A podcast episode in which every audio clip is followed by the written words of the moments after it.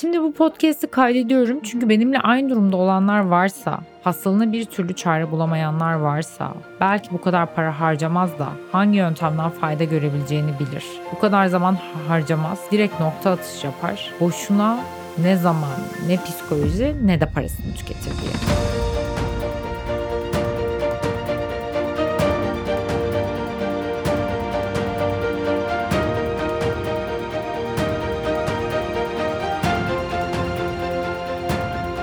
Herkese merhaba. Bu benim 3 ay önce aldığım mikrofonumla yaptığım ve 5 yıl önce karar verdiğim podcastimin ilk kaydı. Evet 5 yıl diyorum yanlış duymadınız. Wellness, iyi yaşam üzerine birçok konuyu ele alacağım bu podcast'te zamanı şimdi gelmiş ki şimdi başlayabildim. Ben Tuğçe, doktorum, sağlıklı yaşama tutkun bir neuroscience aşığı, psikoterapist, aile terapisti, akupunktur uzmanı, Amerikan Academy of Anti-Aging'den sertifikalı bir fonksiyonel tıpçı, bitki bilim uzmanı, Theta Healer, bir wellness danışmanıyım. Psikoterapi konusunda özellikle bağımlılıklar, anksiyete, depresyon ve yem bozuklukları üzerine çalışıyorum. Nörobilimde bunun için tabii ki mükemmel bir adres. Evet çok fazla dediğiniz duyar gibiyim. Çok fazla, daha da fazla olacak. Çünkü sağlığın bir bütün olduğunu kimse benden daha iyi bilemez. En iyi doktor, en iyi terapist, en iyi şifacı kendisi damdan düşendir. Siz de benim gibi damdan düşmeyin diye elimden geleni yapıp bu podcastle birçok tecrübemi, bilimsel temelli araştırmaları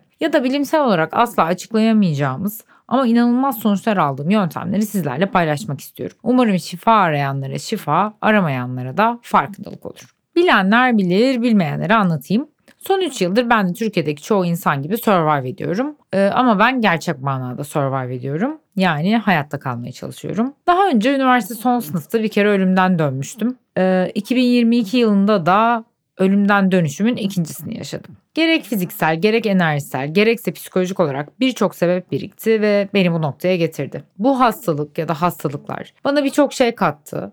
Şimdi de bu katkıları sizlerle paylaşmak istiyorum. Bence dünyada iki tip insan var. Yaşadıkları karşılığında vücudu hiçbir tepki vermeyen, ne yaşadığını bile düşünmeyen, böyle kabullenip yaşayıp gidenler sizin de etrafınızda vardır. Sorgulamadan yaşarlar, neyi neden yaptıklarını bilmezler. Ailesi istediği için biriyle evlenirler. Ailesi istediği için başını kapatırlar. İşte arkadaşı istediği için alkol alırlar. Dışarıdan bakınca amaçsızdır. Yani kendi hayatı için amaçsızdır. Ama amaçsız olduğunu farkında da değildir. Yani aslında burada amaçsız demek çok doğru olmayabilir. Çünkü burada amaç aslında kabul görmektir. Ee, yani bunun da farkında olmadıkları için aslında sorun yok. Sistem işliyor.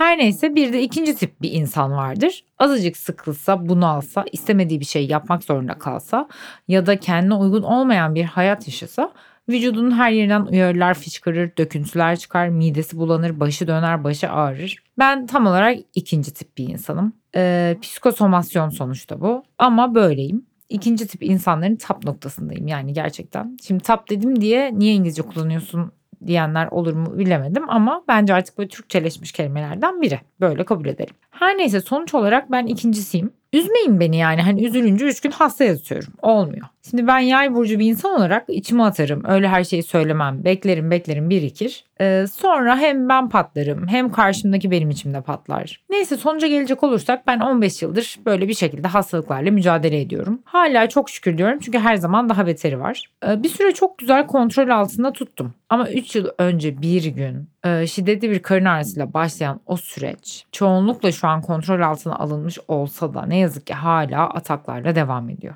Şikayetlerim ilk başladığında ortaokuldaydım. Durup dururken midem bulanır, yediklerimi hazmedemezdim. Anlamsızca, sebepsizce böyle karın ağrılarım olurdu, mide bulantılarım olurdu. Sağ olsun canım ailem de bana sürekli e Tuğçe senin miden hassas, biraz dikkat et, şöyle böyle derlerdi. Tabii o zamandan beri kodlamalarım bu şekilde süre geldi. Her neyse bu sorunlarım lisede iyice arttı. Lise hazırlık sınıfında karın ağrılarımdan en sonunda apendektom ameliyatı olmak zorunda kaldım. Asla geçmeyen sırt ağrılarım için anne baba bana masaj yapsanıza diye yanlarında dolaşırdım sürekli. Sürekli sırtım ağrırdı, karnım ağrırdı. Yani hiçbir zaman tam bir iyilik haline ulaşamadım. Ulaşamamış olsam da bir şekilde bunlarla hayatıma devam etmeyi öğrenmiştim. Lise son sınıfta bulantılarımdan iki ay boyunca hiçbir şey yiyemedim. Yani bir yeşil erik bile yiyemediğimi hatırlıyorum ki ne kadar canım istemişti. Neyse iki ayın sonunda en sonunda bir gastroenteroloğa gittik ve e, bana dedi ki midende o kadar çok safra vardı ki midene endoskopla resmen giremedim. Senin alkalen reflün var. Hayalet hastalık olarak da bilinen bu hastalık normal reflüden farklı bir durum. Normal reflü yedikleriniz midenizden yemek borunuza çıkarken burada bağırsaklarda olması gereken safra midenize çıkıyor. Bu da hazmı bozuyor. Çünkü safra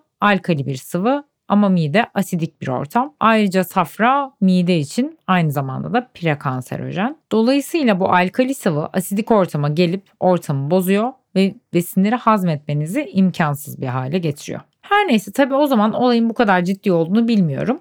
Doktor bey dedi ki işte bu mide ilacını ve karaciğer ilacını bir yıl kullan sonra karaciğer ilacını bırak. Şikayetlerin başlayınca 3 ay karaciğer ilacını tekrar kullan tekrar bırak. Ömür boyu bunu yapmak zorundasın. Yani tamam da ben de şimdi neden alkalen reflü olsun durup dururken diye düşünmedim değil o zaman. Ama tabii çok sorgulamıyorsunuz. İşte tıbba dair bir bilgim yok. Henüz lise öğrencisiyim. Tamam okey dedim. Yapabileceğim hiçbir şey yok. Kullanacağız mecburen çünkü sürünüyorum. Neyse yıllarca karaciğer ve mide ilacı kullandım ama hiçbir zaman böyle mükemmel olamadım. Hop yıllar geçti geldik üniversite son sınıfa. Her şey tekrar başladı. Bu sefer bir de üzerine döküntülerim eklendi. Ama nasıl döküntüler? Böyle ellerim ayaklarım ve yüzüm hariç vücudumun her yerinde olan yaklaşık 200 civarı kırmızı kırmızı döküntü. Bahar aylarındayız. Tişört giyiyoruz. İşte insanlar kollarıma falan bakıyor ya da işte etek giydiğimde bacaklarımda gözüküyor ve insanlara bakın gerçekten bulaşıcı değil falan diye açıklama yapmak zorunda kalıyorum. Neyse her şey araştırıldı ama hiçbir şey bulunamadı. İlaçların vücuduma yaptığı yan etki hariç. Çok güzel bir haber olarak mide ilacını kullana kullana kemik erimem başlamıştı. Döküntüler geçmeden bir de bu çıktı başımıza dedik. Neyse hocalarımla görüştük. Ee, dedim hani benim bu ilacı kesmem gerekiyor. Çünkü kullanamam daha fazla. Kemik erimem başlamış. Kaç yaşındayım henüz. Dediler asla kesemezsin. Çünkü bıraktığım anda mide şikayetlerim kat be kat artarak geri geliyordu. Okey tamam. Döküntülerimi de geçirecek bir ilaç bulamadık.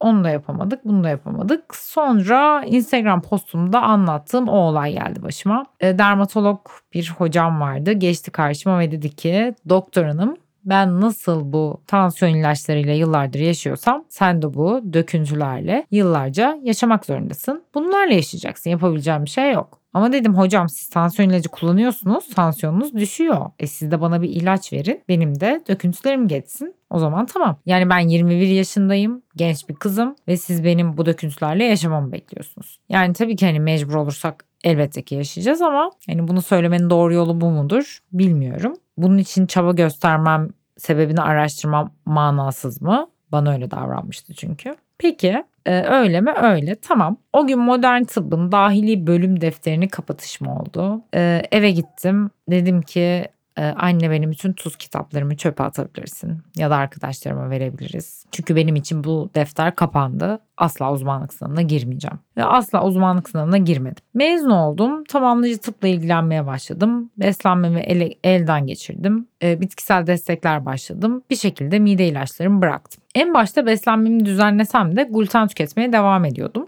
Ee, tabii sadece sabahları. Öyle çok fazla hamur işine düşkün bir insan hayatım boyunca hiçbir zaman olmadım zaten. Sadece sabahları işte iki dilim ekmek yiyordum. Ee, çavdar ekmeği veya tam buğday ekmeği olacak şekilde. Sonrasında e, birçok eğitim tamamladım. Çünkü bu alana girenler bilir bir yerden elinizi verince konunuzu kurtaramıyorsunuz. Çünkü hani her seferinde yeni bir şey öğreniyorsunuz. Çok heyecanlı. E, her yerde yeni bir konu var ve bütün eğitimleri tamamlamak istiyorsunuz. E, dolayısıyla çevremde bu işle ilgilenen çok fazla arkadaşım olmaya başladı. Akupunktur, aile terapisi, bitkisel tedavi, aromaterapi, mezoterapi, fonksiyonel tıp, anti-aging ve bunlar psikolojiyle o kadar iç içe. Ayrıca beynimizi iyileştirme gücü o kadar da yüksek ki sonra sonrasında Marmara Üniversitesi'nde nörobilim doktorasına başladım. Nörobilimde ilerledikçe de gördüm ki kuantum fiziği de bilimde aslında tamamen enerjiye çıkıyor. Ama tabii o zamanlar fazlasıyla bilimsel takılan bir doktor olarak bunu önce kabul etmedim ve göz ardı ettim. Ama hayat bunu sonra acı bir tecrübeyle bana öğretecekti. Birkaç yıl her şey yoluna gitti. Sonrasında ne zaman şikayetlerim başlasa aa acaba bana süt ürünü mü dokunuyor? Aa acaba bana gluten mi dokunuyor?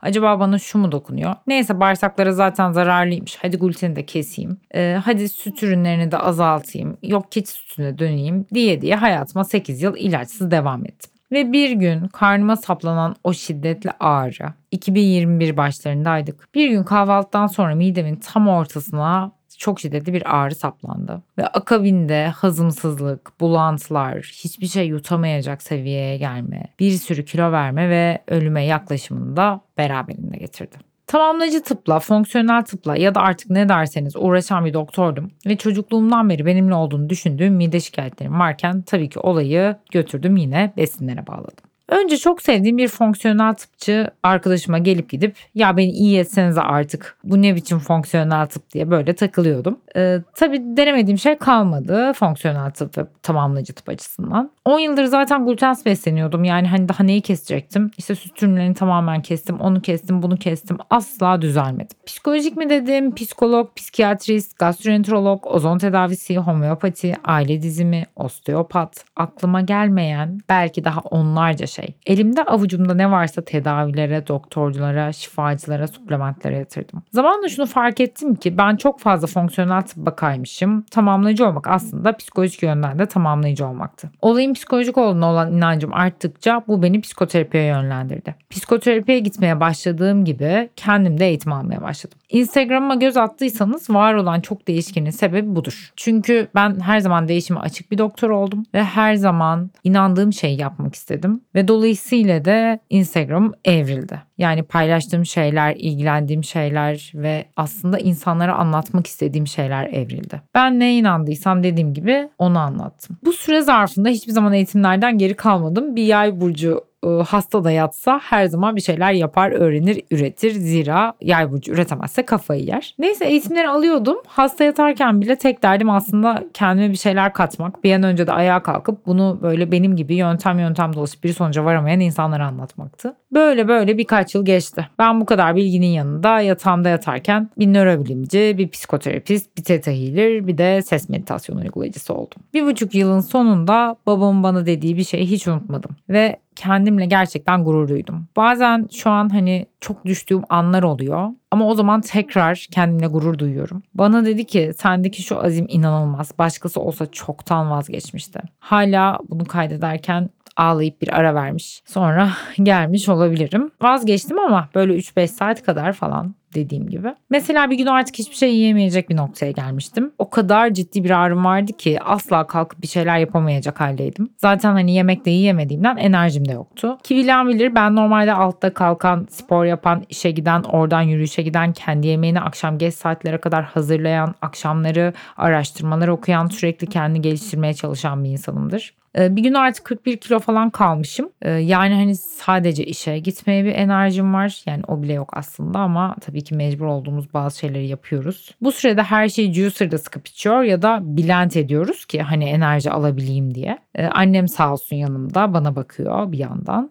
Tüm şifrelerimi yazıp anneme verdim. Dedim anne ben ölüyorum galiba. Eğer bana bir şey olursa borcumu harcımı bilin. Arkamda kalmasın. Zor dönemlerdi. Şimdi bu podcast'i kaydediyorum çünkü benimle aynı durumda olanlar varsa, e, hastalığına bir türlü çare bulamayanlar varsa, belki bu kadar para harcamaz da hangi yöntemden fayda görebileceğini bilir. Bu kadar zaman harcamaz, direkt nokta atış yapar. Boşuna ne zaman, ne psikoloji ne de parasını tüketir diye. Bilin ki e, herhangi bir şikayet psikosomatikse de psikosomatik denen bir hastalığın aslında atlanan bir tanı olabileceğini unutmayın. Ya da psikosomatikse bile bu sizin suçunuz değil. Psikosomasyon demek şikayetin gerçekten olmadığı anlamına gelmez. Şikayetiniz gerçekten vardır. Belki fizyolojik olarak bile vardır. Ama psikolojik sebepler bunu tetikliyordur. Yani suçu kendinizde bulmayın. Podcast'in ilk bölümünü daha fazla uzatmadan lütfen vücudunuza kulak verin diyerek bitirmek istiyorum. İstemediğiniz şeylere hayır demeyi bilin. Siz kendinize bakmazsanız kimse size bakmıyor. Ah vah ediyorlar ama ateş düştüğü yeri yakıyor. Çünkü kimsenin elinden bir şey gelmiyor. Tete Healing'de en sevdiğim kısım şudur. Bu hastalık sana ne öğretti diye sorarız. Bu hastalık bana şunu öğretti. İstemediğin şeyi yapmadığın sürece özgür, özgür olduğun sürece de sağlıklısın. Unutmayın her gün yeni hayata başlamak için tertemiz bir fırsattır. Sonraki bölümde görüşmek üzere. Benimle olduğunuz için teşekkür ederim.